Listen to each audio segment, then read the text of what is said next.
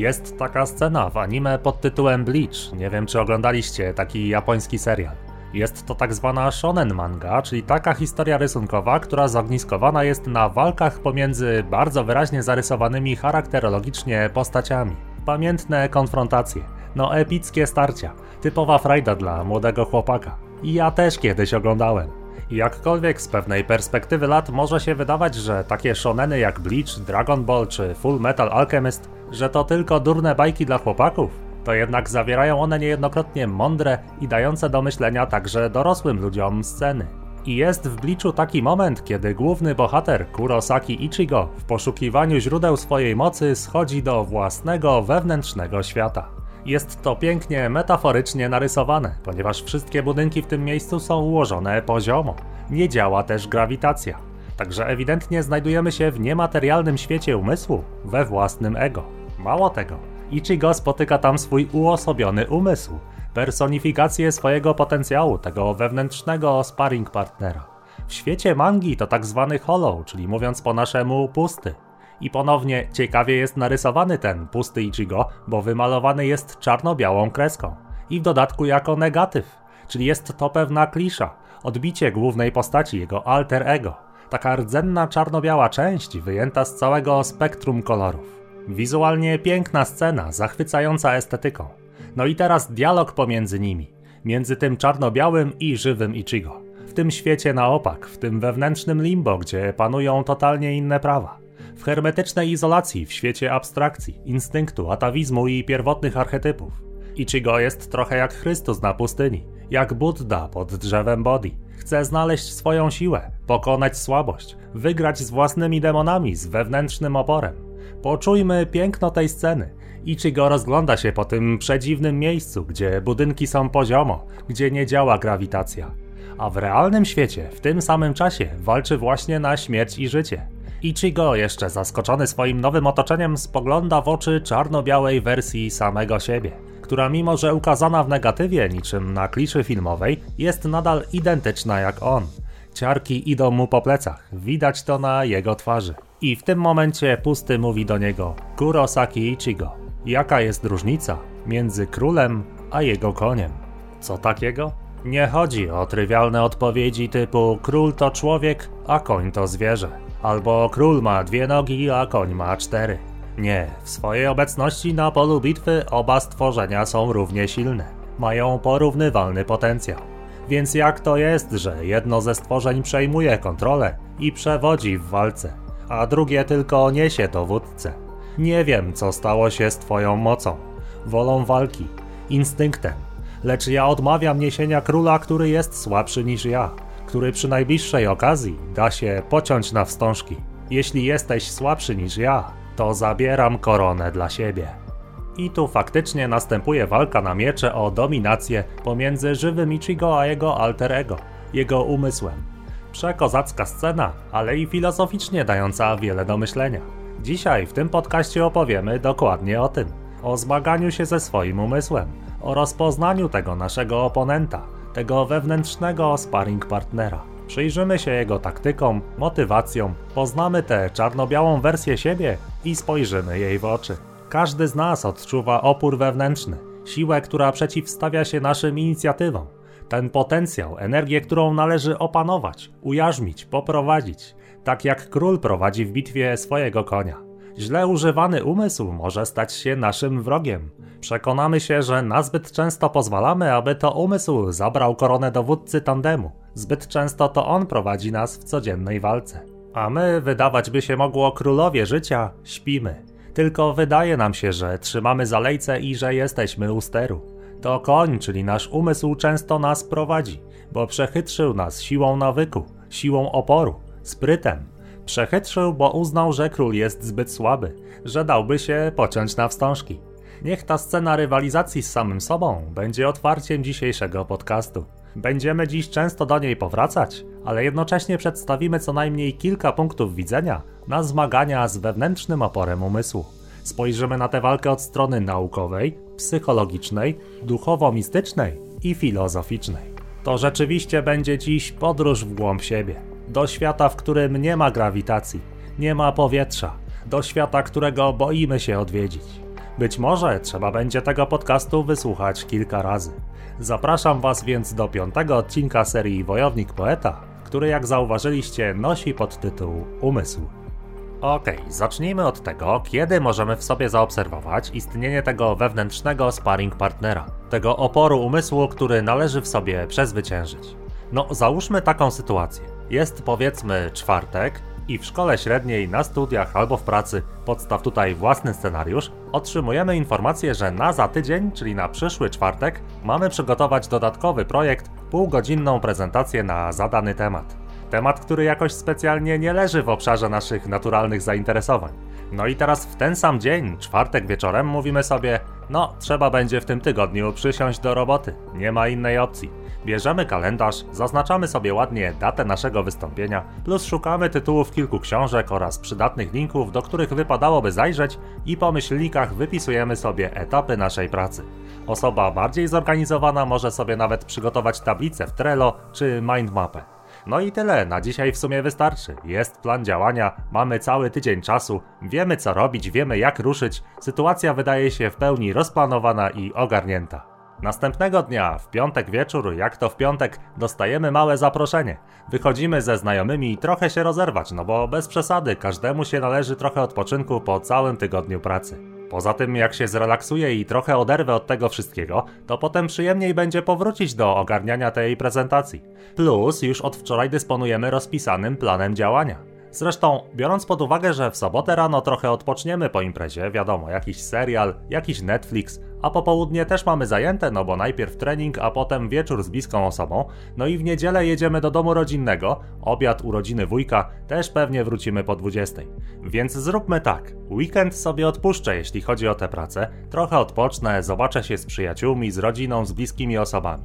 Takie dwa dni na zdrowe oderwanie się mentalne, ale po weekendzie już nie ma bata. Na 100% tylko nauka, przysiądę, praca z przerwami tylko na jedzenie, ewentualnie jeden półgodzinny odcinek serialu raz na 3 godziny. Tak zrobię. Teraz trochę przerwy, ale od poniedziałku biorę się za to na 100%.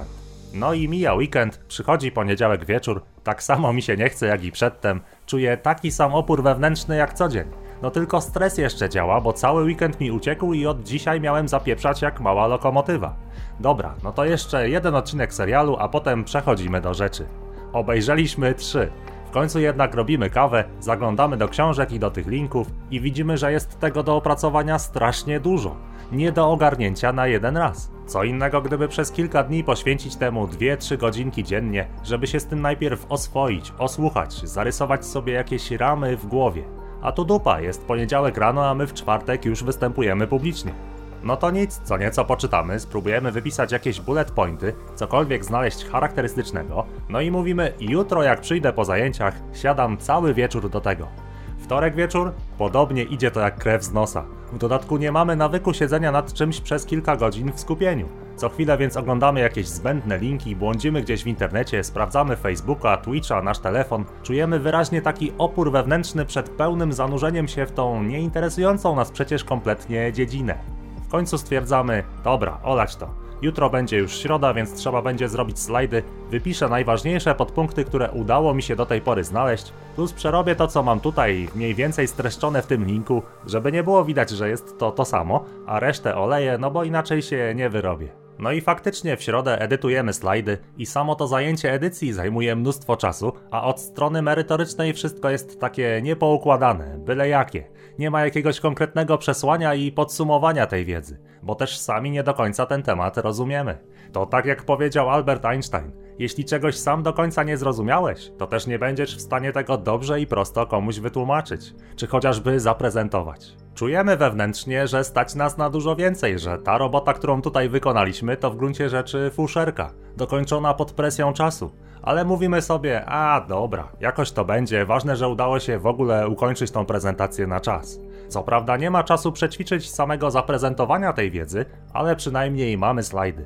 Tak naprawdę to powinienem mieć na to ze 3 tygodnie. Zresztą co ja się będę spalać, tak pewnie nikt mi nawet za to nie podziękuje. No i tak narzekamy, usprawiedliwiamy się, choć wewnętrznie wiemy, że cała ta gadka ma przesłonić nasze własne niezadowolenie ze słabo zrealizowanej pracy. A już zwłaszcza w porównaniu z tym, jaką mieliśmy radykalnie cudowną wizję tego wystąpienia jeszcze tydzień temu. No właśnie, zwróćmy uwagę, w ciągu całego tego tygodnia nie raz i nie dwa odczuliśmy na własnej skórze istnienie tego oporu umysłu, tego naszego wewnętrznego sparring partnera, rysowanego czarno-białą kreską, który pojawia się za każdym razem, gdy trzeba wziąć się do roboty. Znamy to uczucie wszyscy. Kiedy chcemy zrobić coś trudnego, coś potrzebnego, gdy trzeba użyć kreatywnej mocy umysłu, ten nas najpierw testuje, czy aby na pewno masz tyle silnej woli, aby poprowadzić nasz tandem w walce. Bo jeśli nie, to umysł zabiera koronę dla siebie. To koń poprowadzi. Król chciał wykonania pracy przez konia, ale dał się ponieść sile odwlekania, prokrastynacji, oszczędności energii. Tak, wewnętrzną walkę prowadzi każdy z nas. Ty prowadzisz i ja również. Każdy odcinek na tym kanale, no może nie licząc tych, które powstały w stanie flow, jest rezultatem takiej wewnętrznej walki. Z tym czarno-białym sukinsynem, który zawsze zachęca odpuść, oddaj kontrolę, teraz odpocznij, weźmiesz się za to porządnie niebawem. Umysł zawsze będzie chciał nas przechytrzyć, zabrać koronę dla siebie, oszczędzić nieco energii zgodnie z zasadą entropii. Chcielibyśmy, żeby tego oporu nie było. Niektórzy nawet myślą, że coś jest z nimi nie tak, że taki opór w ogóle odczuwają. Myślą, że innym jest łatwiej, że tego w sobie nie mają. Otóż nie, absolutnie każdy człowiek to ma. Każdy z nas spotyka w tym świecie na opak, w tym miejscu bez powietrza i bez grawitacji, swojego prywatnego oponenta. I on za każdym razem pyta, co stało się z twoją mocą, wolą walki, instynktem, Wiele razy w naszym życiu mówi nam prosto w oczy: Odmawiam niesienia króla, który jest słabszy niż ja, który przy najbliższej okazji da się pociąć na wstążki. I wtedy nie wstajemy na trening rano. Nie, dzisiaj wracamy do ciepłej pościeli. Nie uczymy się 3 godziny bez przerwy. Sprawdzamy telefon, oglądamy YouTube'a. Nie wychodzimy na scenę narażając się na krytykę. Nie, to my niewiele w tej chwili musiejąc robić, deprecjonujemy dokonania, wytykamy błędy, krytykujemy podsumowując kogoś jedną pejoratywną etykietą. Nie zajmujemy się tu i teraz realnymi problemami w szkole czy w pracy. Nie, teraz wejdziemy do uproszczonego świata gry komputerowej, gdzie przecież radzimy sobie, gdzie mamy rangę, status i dobrą pozycję w rankingu, gdzie możemy zdominować kilku mniej doświadczonych graczy. Nie wyjdziemy dziś spotkać się ze znajomymi. Nie, teraz zostaniemy przed telewizorem i wejdziemy w strumień świadomości serialowej postaci, przeżywając wszystkie międzyludzkie rozterki bez żadnego realnego zagrożenia dla nas. Na gotowo, na szybko, oszczędzając energię. Nie będziemy szukać emocjonalnej i fizycznej bliskości w skomplikowanej męsko-damskiej relacji, w całej dynamice starcia dwóch osobowości. Nie, teraz substytut tej bliskości to bez żadnego ryzyka dostaniemy jednym kliknięciem dzięki internetowej pornografii. Szybko i skutecznie. Dziś nie zadbamy o dietę i zdrowe odżywianie. Nie, teraz pojedziemy do KFC. Kubełek dla jednej osoby, granderek z ekstraserem i bekonem. Wejdzie jak złoto i to bez żadnych przygotowań w kuchni. Bez zmywania garów, bez całego tego wysiłku i myślenia, co tu ugotować. Raz na jakiś czas przecież się należy. No, myślę, że więcej przykładów wymieniać nie trzeba. Widzimy i czujemy w naszym życiu ten wewnętrzny opór. Ba, nawet teraz, gdy tego słuchasz, możesz go odczuwać. W sensie wyłącz to, co to za głupoty. To właśnie twój umysł, który nie lubi być demaskowany. Ten koń, na którym siedzisz, nie chce tego słuchać. Ale my, ponoć królowie życia, wiemy, że taka jest prawda. Każdy realny wysiłek, każda wykonana praca, każde dobro, które wykonujemy, wiąże się z wysiłkiem, z dyskomfortem, z potrzebą znokautowania tego naszego sparring partnera. A on zawsze tam jest. Za każdym razem po prostu proponuje oszczędzenie energii, pójście nieco na skróty, odpuszczenie przynajmniej ten jeden raz.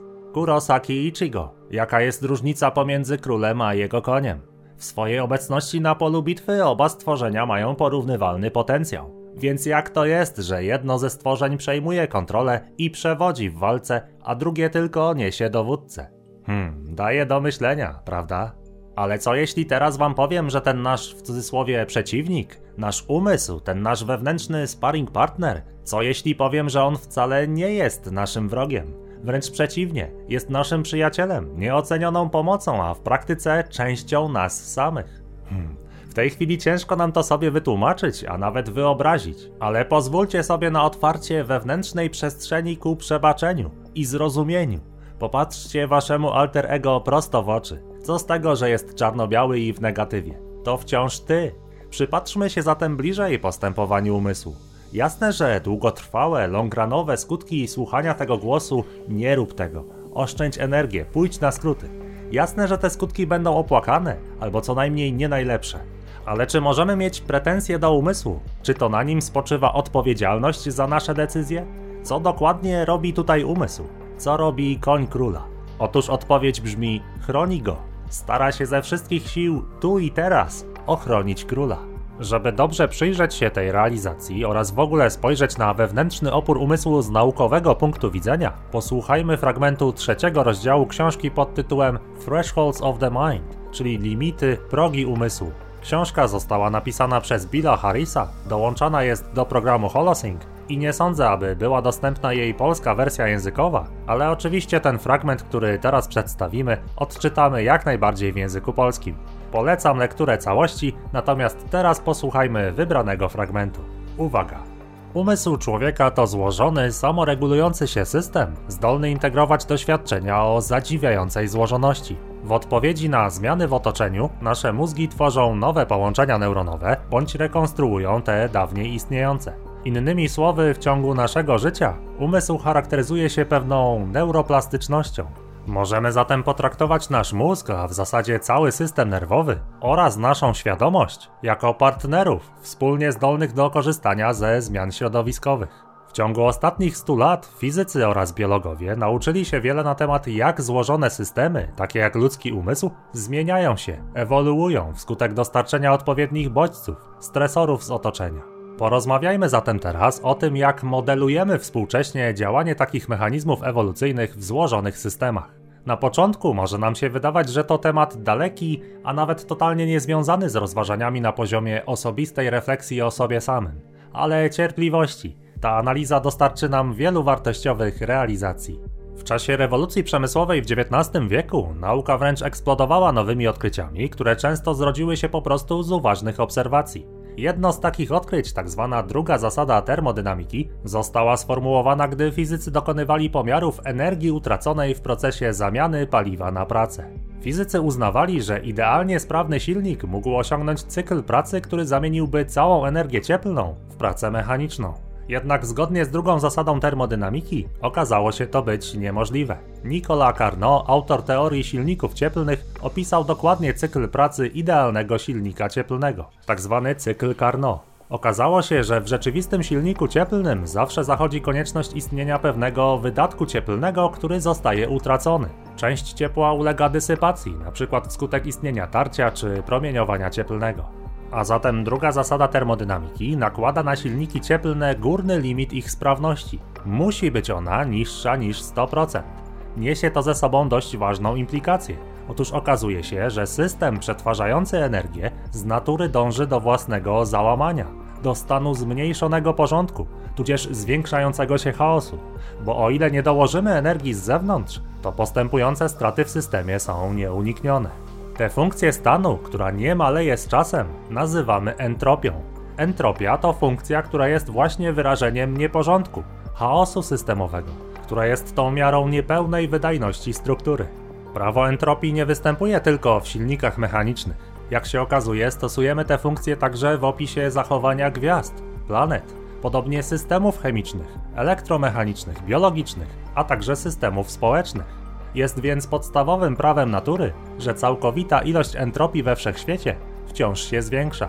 A zatem wszechświat powinien dążyć do stanu zwiększającego się chaosu, nieuporządkowania i losowości, jak każdy nieidealny system, do którego nie dołożymy energii z zewnątrz. A jednak widzimy we wszechświecie także tendencję do zwiększania uporządkowania przeróżnych systemów, czyli tendencję kompletnie przeciwną do przewidywań drugiej zasady termodynamiki. Chociażby historia życia na naszej planecie. Organizmy żywe wraz z upływem czasu dążą do bycia systemami bardziej złożonymi, mniej losowymi. Zaczęło się od molekuł, aminokwasów i białek, potem powstały pierwsze żywe komórki, które przekształciły się z czasem w organizmy wielokomórkowe. No i dalszą historię już znamy. Spójrzmy, jak wysoce uporządkowanym biologicznie systemem jest człowiek Homo sapiens. Naukowcy zastanawiali się więc, jak to możliwe. No bo mamy w naturze niemalejącą entropię, a niektóre systemy ewidentnie ewoluują, rozwijają się, zwiększają stopień swojej złożoności, głębie własnego uporządkowania na tylu różnych poziomach. Zmaganie z tym pytaniem zajęło nam ponad 100 lat. Odpowiedź przyszła w roku 1977 dzięki pracy urodzonego w Rosji chemika teoretyka, zdobywcy Nagrody Nobla Ili Prigozina, który rozwiązał zagadkę tej sprzeczności. Otóż fizycy sprzed czasów Prigozina skupiali się na analizie wyidealizowanych, zamkniętych systemów, czyli takich, które nie wchodziły w interakcję z otoczeniem. W ten sposób ograniczali olbrzymią ilość zmiennych modelujących system do akceptowalnej ich liczby, dającej się komfortowo obserwować i interpretować. Prigozhin przeciwnie, zajął się studiowaniem systemów otwartych, czyli takich, które wchodziły w interakcję z otoczeniem. To właśnie obserwacja wielu procesów chemicznych, które prowadziły do zwiększającego się porządku, co stało w sprzeczności do drugiej zasady termodynamiki, doprowadziła go do ciekawych, nowatorskich wniosków. Otóż okazało się, że systemy otwarte uciekają w stan wyższego uporządkowania poprzez dyspersję, czyli rozproszenie entropii do otoczenia. Prigozhin udowodnił hipotezę, że porządek wyłania się w systemie nie pomimo istnienia chaosu, ale wskutek jego istnienia. Ewolucja, rozwój do nowych form to nieunikniony produkt systemów otwartych, które wskutek entropii popadają w tymczasowy, chaotyczny stan pośredni, po to aby wskutek tego chaosu zreorganizować się do poziomu wyższej złożoności systemowej, do lepszego stanu, do nowej formy funkcjonowania. A zatem, patrząc na to z szerszej perspektywy, systemy otwarte pobierają energię bądź materię z otoczenia, lecz co ważne, dysypują powstałą w procesie entropię znów do środowiska a zatem całkowity bilans energetyczny rzeczywiście przestrzega drugiej zasady termodynamiki, bo łączna ilość entropii zwiększyła się, no tyle, że nie wewnątrz samego systemu otwartego. Takie konstrukcje wydalające entropię na zewnątrz określamy współcześnie mianem struktury dysypatywne. Mówiąc najprościej, tego typu elastyczne systemy mogą przetrwać, zwiększając nawet swój stan uporządkowania, ponieważ wydalają entropię na zewnątrz, do otoczenia, poza system. Jednak co ważne, pomimo tej elastyczności w przetwarzaniu entropii przez systemy otwarte, istnieje pewien górny limit ilości entropii w jednostce czasu, którą można zdysypować do otoczenia. Ten limit zależny jest wprost proporcjonalnie od stopnia złożoności systemu. Im bardziej jest on złożony, skomplikowany, wielopoziomowy, tym więcej entropii może on rozproszyć. Natomiast jeśli ta ilość chaosu, tych niespodziewanych danych z otoczenia przekroczy zdolność systemu otwartego do przetworzenia tej entropii, ten limit, ten próg, to cała struktura stanie się niestabilna. Jest to tak zwany punkt bifurkacji. W tym punkcie albo system ulegnie totalnemu załamaniu, albo spontanicznie zreorganizuje swoją budowę w zupełnie nowy, jeszcze bardziej złożony i z powodu dużej ilości zmiennych nie dający się do końca przewidzieć sposób. I teraz żywe organizmy to oczywiście systemy otwarte, a nie zamknięte. Dalekie są od stanu idealnej równowagi. W sposób ciągły przyjmują z otoczenia energię w postaci światła, ciepła, składników odżywczych, powietrza, wody, bodźców z otoczenia, czyli informacji, ale tak samo oddają do otoczenia dwutlenek węgla, ciepło, produkty przemiany materii, jak również dysypują poprzez przeróżne aktywności i entropię bo organizmy wciąż się zmieniają, ewoluują, rosną, starzeją się, dopasowują się do środowiska, leczą, uczą się itd. Tak itd. Tak Proces ten nieustannie trwa, na poziomie komórkowym nawet w tej chwili. Z naukowego punktu widzenia można więc powiedzieć, że śmierć organizmu to jego niezdolność do dalszej dysypacji entropii. A życie można zdefiniować jako proces przepływu energii przez system otwarty. System wciąż mający zdolność dysypacji entropii. I uwaga, wiedząc to, co już wiemy o systemach otwartych, zastosujmy teraz ten model strukturalny do analizy zachowania się naszego umysłu. Przypomnijmy, co powiedzieliśmy na początku wykładu.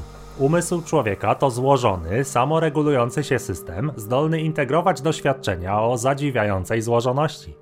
W odpowiedzi na zmiany w otoczeniu, nasze mózgi tworzą nowe połączenia neuronowe bądź rekonstruują te dawniej istniejące.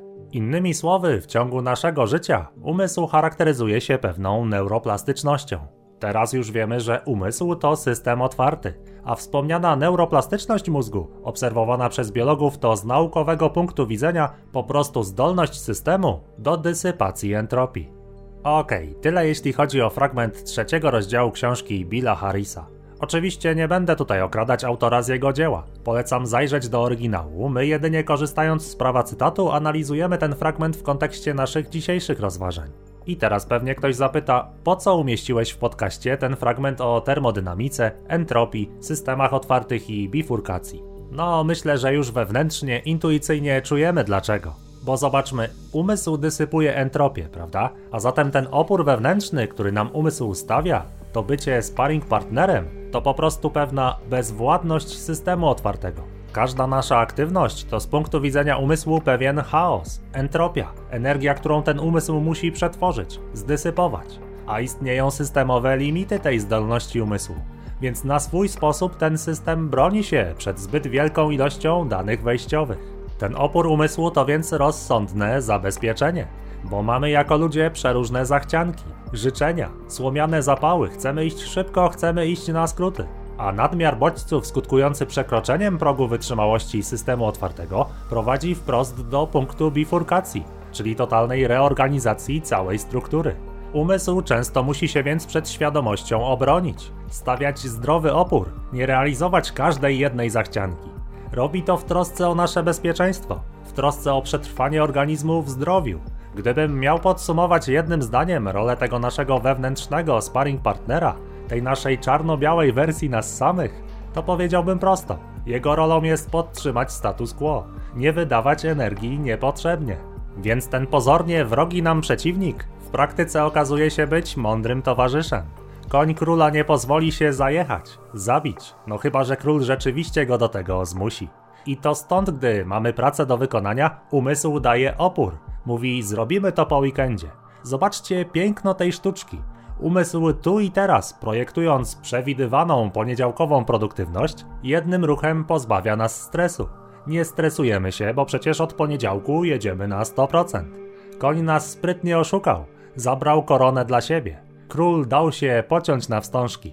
Albo kiedy jesteśmy perfekcjonistami, gdy krytykujemy innych. Tutaj też umysł nas oszukuje i oszczędza energię. Bez wykonania wielkiej pracy przez nas możemy się mentalnie postawić w akcie oceniania ponad kimś, a więc poczuć się lepiej na swój temat, samemu nie wychodząc na scenę, a więc nie pracując, czyli oszczędzając energię. 2-0 dla konia króla. W dodatku ego króla zostało połechtane, więc czuje się on dobrze. Znowu nie ma tu stresu, nie ma energii, którą trzeba przetworzyć. I za każdym razem tak jest. Gdy umysł stawia opór, to znaczy, że chce oszczędzić energię, uniknąć dyskomfortu, sprawić, abyśmy tu i teraz poczuli się dobrze na swój temat. Ale kluczowa sprawa, uwaga, potrzebujemy tutaj zdrowego kompromisu, równowagi, współpracy z naszym umysłem.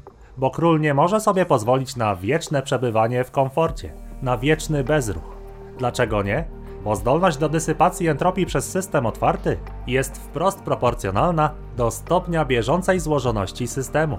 Czyli ciągłe przebywanie w strefie komfortu sprawia, że bardzo niska jest ta nasza zdolność do reagowania na zmieniające się bodźce. Czyli tego naszego konia król musi trenować, utrzymywać w formie, zmuszać, żeby się ruszał, bo inaczej się zapuści, bo inaczej będzie przed wszystkim uciekać. Z mało czym poradzi sobie, mając niski próg wytrzymałości na dane wejściowe. Ba, król nawet czasem będzie musiał popchnąć tego konia do niejednej bifurkacji. Na przykład uczymy się prowadzić samochód. Ilość bodźców na początku jest dla umysłu przerażająca. Sprzęgło, hamulec, gaz, biegi, przepisy drogowe, kierunkowskazy, przewidywanie, zachowanie na drodze. Nie radzimy sobie z całym tym chaosem. Ale z czasem, trenując ten nasz system otwarty, stale dostarczając bodźców treningowych, powodujemy jego zreorganizowanie się, bifurkację. Dostarczając entropii tego chaosu wystarczająco długo, okazuje się, że zmiana biegów czy obsługa sprzęgła, a nawet obserwowanie drogi, to wszystko przeniosło się już do podświadomości, do nawyku. Nasz system otwarty wyuczył się tych czynności i wykonuje je już nawet bez udziału naszej świadomości. Totalny automat. Próg przeładowania bodźcami, chaosem, sytuacja kiedy moglibyśmy sobie nie poradzić, ten próg jest ustawiony już o niebo wyżej. W codziennej jeździe samochodem możemy teraz rozmawiać z pasażerem, słuchać radia, a i tak radzimy sobie bez problemu z prowadzeniem pojazdu.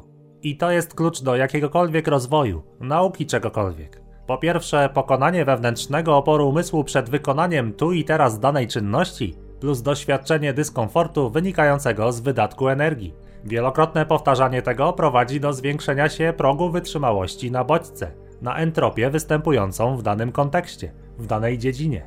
Tak to właśnie w bólach uczymy się jeździć samochodem, mówić czy pisać w obcym języku, tak uczymy się programowania, matematyki, tak opanowujemy pływanie, grę w tenisa, no wstawmy tutaj cokolwiek. Natomiast najwłaściwszym podejściem i słowem kluczem wydaje się równowaga. Czasami trzeba dać z siebie wiele, innym razem jednak trzeba pozwolić umysłowi zaoszczędzić trochę energii, żeby tego konia nie zakłuć ostrogami, nie zajechać całkowicie rujnując jego zdrowie. Więc od dzisiaj nie mów już ja mam gorzej, jestem jakiś inny gorszy, bo mam wewnętrzny opór, bo mnie się często po prostu nie chce. No właśnie, to zupełnie normalne. Każdy ludzki umysł tak ma, bo każdy ludzki umysł jest systemem otwartym. Nie ma też sensu złościć się na ten umysł, że próbuje nas tą pewną bezczynnością ochronić. To po prostu systemowy mechanizm bezpieczeństwa, który mamy dany z natury. Natomiast to nie koń, a król odpowiada za wizję, za wyznaczenie celów. To on ma poprowadzić w bitwie. To on ma też znaleźć równowagę, a więc również odpoczynek. Choć odpowiednio często jednak musi zmuszać umysł do wysiłku, a nawet czasem do bifurkacji. A teraz zataczając koło i wracając ponownie do Blicza, tak naprawdę to na przestrzeni wielu odcinków jest kilka takich scen zejścia Ichigo do wewnętrznego świata. W jednej z tych scen Ichigo chce ochronić swoich przyjaciół przed wyjątkowo groźnym przeciwnikiem, kapitanem Aizenem. I żeby jego pokonać, wchodzi do wewnętrznego świata, by opanować swoją najsilniejszą technikę. Ma stać się jednością ze swoim alter ego, wyzwolić całą energię w jednym cięciu mieczem.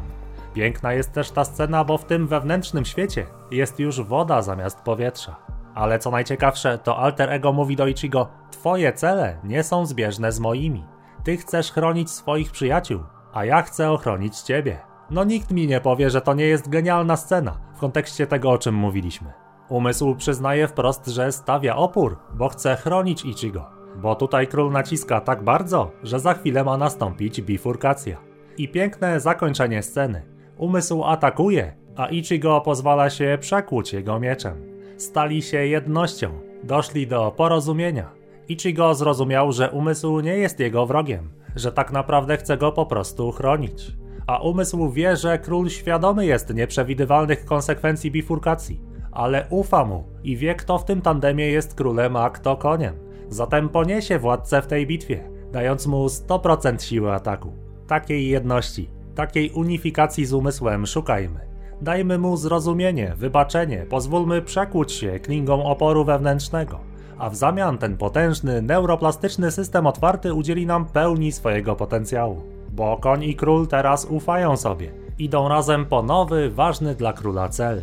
Przepiękna scena w bliczu i nie mówcie mi, że to tylko głupia bajka dla dzieci. Get the fuck out. Ok, to teraz idźmy już do dalszej części podcastu, bo czeka nas jeszcze wiele atrakcji to zdecydowanie jeszcze nie jest koniec. Nie żartowałem mówiąc wcześniej, że może trzeba będzie tego podcastu wysłuchać kilka razy. Okej, okay, mamy zatem omówione spojrzenie naukowe na ten opór wewnętrzny umysłu. Teraz przyjrzyjmy się perspektywie filozoficzno-psychologicznej. Otóż, gdy przeanalizujemy to wszystko na spokojnie, to wspólnym mianownikiem tego oporu umysłu jest odciąganie nas od teraźniejszości, od tu i teraz. Pięknie o tym opowiada Eckhart Tolle w swojej książce pod tytułem Potęga teraźniejszości. Rzeczywiście, Eckhart ma wyjątkowy dar do ukazywania tego naszego kompulsywnego myślenia, rozpamiętywania, wizualizacji, wszystkich tych mentalnych filmów i rozmów, które prowadzimy w umyśle. Ale nie uprzedzajmy faktów. Posłuchajmy. To, co głównie przeszkadza nam w bezpośrednim odczuwaniu rzeczywistości, to utożsamienie z własnym umysłem które sprawia, że myślenie stało się rodzajem przymusu. Nie móc przestać myśleć to straszliwa przypadłość. Nie zdajemy sobie jednak z niej sprawy, bo prawie wszyscy na nią cierpimy, więc uchodzi ona za stan normalny. Nieustanny zgiełk umysłu uniemożliwia nam dotarcie do sfery wewnętrznego bezruchu, ciszy. Umysł jest wspaniałym narzędziem, jeśli ktoś odpowiednio się nim posługuje. Gdy jednak zastosowania są niewłaściwe, to narzędzie zaczyna działać strasznie niszczycielsko. Mówiąc ściślej, nie chodzi o to, że robisz z umysłu niewłaściwy użytek. Zazwyczaj w ogóle go nie używasz. To on używa ciebie. I na tym właśnie polega problem. Narzędzie przejęło nad tobą władzę. Zdarzało ci się pewnie spotykać na ulicy ludzi, którzy ciągle do siebie gadają czy mamroczą. Nie tak znów bardzo różni się to od tego, co robisz ty sam i wszyscy normalni osobnicy. No tyle, że nie przemawiamy do siebie na głos. Wewnętrzny mówca komentuje, snuje domysły, osądza, porównuje, narzeka, lubi, nie lubi i tak dalej. To, co mówi, niekoniecznie ma jakikolwiek związek z aktualną sytuacją, w której właśnie się znajdujesz. Może to być wspomnienie bliskiej lub dalekiej przeszłości, przymiarka do hipotetycznych przyszłych sytuacji, bądź fantazje na ich temat. Gdy w grę wchodzą przyszłe zdarzenia, wewnętrzny mówca często wyobraża sobie, że coś idzie nie po jego myśli, powodując fatalne skutki. Popada wtedy w tak zwane zatroskanie. Czasem tej ścieżce dźwiękowej towarzyszą różne wizje lub filmy mentalne. Podobnie rzecz ma się z przeszłością, bo nawet jeśli głos wewnętrzny mówi coś, co wyraźnie wiąże się z bieżącą sytuacją, to i tak interpretuje ją w kategoriach przeszłości.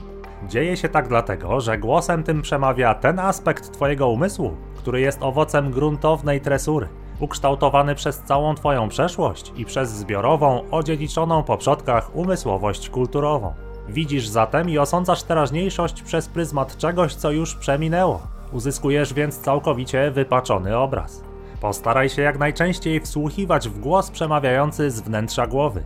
Zwracaj szczególną uwagę na wszystkie powtarzające się schematy, myślowe refreny, stare płyty gramofonowe, które grają ci w głowie być może od wielu lat. To właśnie nazywam obserwowaniem myśliciela. Kiedy słuchasz tego głosu, zachowaj bezstronność. Nie osądzaj ani nie potępiaj niczego, co słyszysz. Jeśli bowiem postanowisz zostać sędzią, będzie to dowód, że ten sam głos zakradł się z powrotem kuchennymi drzwiami. Wkrótce zobaczysz, jak się sprawy mają. Tam jest głos, a tu jestem ja. Słucham go i obserwuję.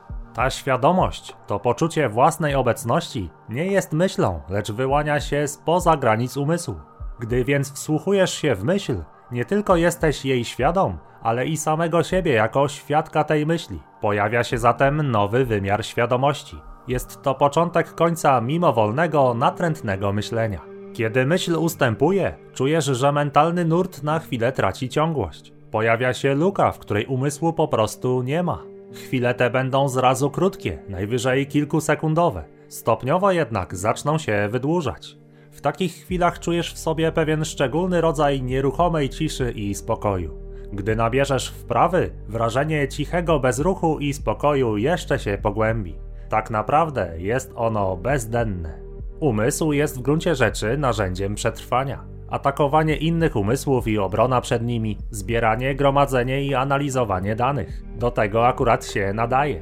Ale twórczy nie jest ani trochę. Twórczość wszystkich prawdziwych artystów, niezależnie od tego, czy oni sami o tym wiedzą, powstaje ze stanu, w którym umysł znika, z wewnętrznej nieruchomej ciszy. Dopiero potem umysł nadaje kształt twórczemu impulsowi lub przebłyskowi natchnienia. Nawet wielcy uczeni często twierdzą, że najbardziej przełomowe pomysły nawiedzały ich w chwilach umysłowego wyciszenia. Czy żyjesz w stresie? Czy jesteś tak pochłonięty podróżą w przyszłość, że teraźniejszości wyznaczasz jedynie rolę pojazdu, który macie tam zawieść? Stres powstaje, kiedy jesteś tu, a wolałbyś być tam. Kiedy będąc w teraźniejszości chcesz przenieść się w przyszłość. To rozdarcie wewnętrzne. Stwarzanie takiego rozdarcia i życie z nim to po prostu obłęd. A może to przeszłość mocno cię pochłania? Często o niej mówisz i myślisz, dobrze lub źle, o swoich wspaniałych osiągnięciach, przygodach i doświadczeniach, albo o tym, jak los cię skrzywdził, o wszystkich okropnościach, które ci wyrządzono, a może o czymś, co sam komuś zrobiłeś. Czy z Twoich procesów myślowych rodzi się poczucie winy, duma, niechęć, gniew, rozżalenie bądź litość nad sobą? Jeśli tak, to nie tylko utwierdzasz się w fałszywym poczuciu ja, lecz zarazem przyspieszasz starzenie się własnego ciała, gromadząc w psychice spiętrzoną przeszłość. Nie potrzebujesz przeszłości. Odwołuj się do niej wyłącznie wtedy, gdy jest bezwzględnie aktualna z punktu widzenia teraźniejszości. W prawdziwym życiu, rozumianym jako przeciwieństwo urojeń, umysłowych projekcji, nigdy z niczym oprócz tej chwili nie będziesz musiał się uporać ani sobie poradzić. Zastanów się, jaki problem masz właśnie teraz. Nie za rok, nie jutro, ani nie za pięć minut. Czego brakuje obecnej chwili? Teraźniejszości zawsze sprostasz, ale nigdy nie zdołasz sprostać przyszłości. I zresztą wcale nie musisz. Odpowiedź, inicjatywa, właściwe posunięcie czy rozwiązanie pojawi się, kiedy zajdzie potrzeba, nie wcześniej i nie później. Często mówisz, kiedyś wreszcie mi się uda. Czy ten cel tak bardzo przykuwa Twoją uwagę, że obecna chwila staje się jedynie narzędziem? Czy dążenie do tego pozbawia Cię radości działania? Czy czekasz na ten moment, kiedy nareszcie zaczniesz żyć? Jeśli wyrobisz w sobie taki nawyk myślowy, teraźniejszość nigdy Ci nie dogodzi choćbyś nie wiem ile osiągnął czy dokonał, bo przyszłość zawsze wyda się lepsza. Jest to niezawodna recepta na wieczne niezadowolenie i rozgoryczenie. Okej, okay, tyle kilka fragmentów książki Eckharta Tolle. No, przyznamy, to co napisał daje do myślenia. Nierzadko rezonuje w nas. Polecam zajrzeć. Link do książki znajdziecie w opisie filmu i choć ta książka bywa za często w mojej opinii taka new age'owa, z wieloma poglądami nie do końca się zgadzam, zwłaszcza inaczej widzę sens życia człowieka, rolę miłości, no i wierzę w osobowy wymiar Boga, ale jednak same te fragmenty, które uzmysławiają nam, jak to pięknie mówi Eckhart, że często to nie my używamy umysłu, lecz nasz umysł używa nas. Te fragmenty to czyste złoto. Jak najbardziej polecam lekturę, polecam poszukiwanie tego bezdennego, bez umysłu, tego limbo w nas, tej ciszy, w której tak często boimy się wprost w teraźniejszości przebywać. Okej, okay, no to poznaliśmy podejście naukowe, jak również filozoficzno-psychologiczne do istniejącego w nas oporu wewnętrznego umysłu. Już na pewno czujemy, że z tej lektury płynie dla nas sporo praktycznej wiedzy do wykorzystania na co dzień. To poznanie samego siebie pozwala nam na większą miłość i cierpliwość wobec nas samych. Przekonuje nas, jak wygląda od środka proces uczenia się, rozwoju, który nieodłącznie musi wiązać się z wewnętrzną walką, dyskomfortem, z ciągłymi powrotami do tu i teraz, do pełnej uważności. Jasne, że to jest trudne, dlatego obserwujmy siebie, dajmy sobie czas. Bądźmy wyrozumiali, ale i powoli starajmy się jako królowie własnego wewnętrznego świata prowadzić tandem z umysłu w ważnym, rozsądnym, dokładnie przez nas określonym kierunku. To jest wojna z samym sobą. Ale też po dzisiejszym podcaście wiemy już, że umysł nie jest wcale naszym przeciwnikiem. To nasz partner. Sparring partner, jasne, ale jednak partner. Szanujmy go i mądrze z nim współpracujmy. Biblia mówi pięknie. Każde królestwo wewnętrznie skłócone pustoszeje. Żadne miasto ani dom, wewnętrznie skłócony, nie ostoi się. Pamiętajmy o tym i od teraz świadomi natury tej walki. Starajmy się codziennie być nieco lepsi niż byliśmy wczoraj. Tego Wam i sobie życzę. A na koniec jeszcze mała realizacja. Bo uwaga, nie chcę, żebyście po tym podcaście mieli w sobie błędne przekonanie, że ta walka wewnętrzna z umysłem to nasze jedyne duchowe zmaganie. Otóż nie. Jakkolwiek nasz umysł stawia opór i jest w cudzysłowie przeciwnikiem, to nie jest to nasz jedyny rywal, którego musimy pokonać. I tutaj posłuchajmy krótkiego fragmentu również z Biblii, z listu do Efezjan. Nie toczymy bowiem walki przeciw krwi i ciału, lecz przeciw zwierzchnościom, przeciw władzom, przeciw rządcom świata tych ciemności, przeciw duchowym pierwiastkom zła na wyżynach niebieskich. Dlatego przywdziejcie pełną zbroję Bożą, abyście się zdołali przeciwstawić w dzień zły i ostać zwalczywszy wszystko. Stańcie więc do walki przepasawszy biodra wasze prawdą i przyoblókłszy pancerz, którym jest sprawiedliwość, a obuwszy nogi w gotowość głoszenia dobrej nowiny o pokoju. Koniec fragmentu. I tutaj prosta realizacja. Nasza duchowa walka z umysłem nie jest jedynym zmaganiem w życiu człowieka. Nie walczymy bowiem przeciw krwi i ciału.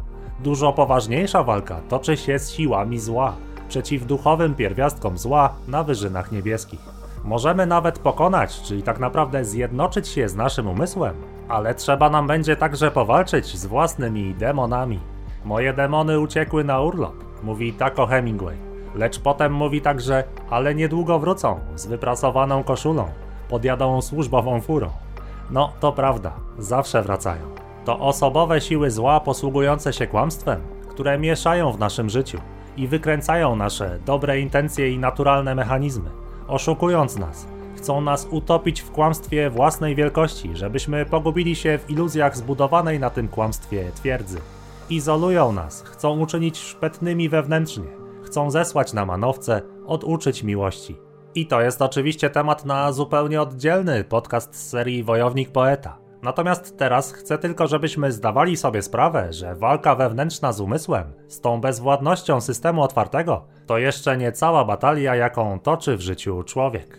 Żebyśmy przypadkiem nie mieli takiej naiwnej realizacji. Super.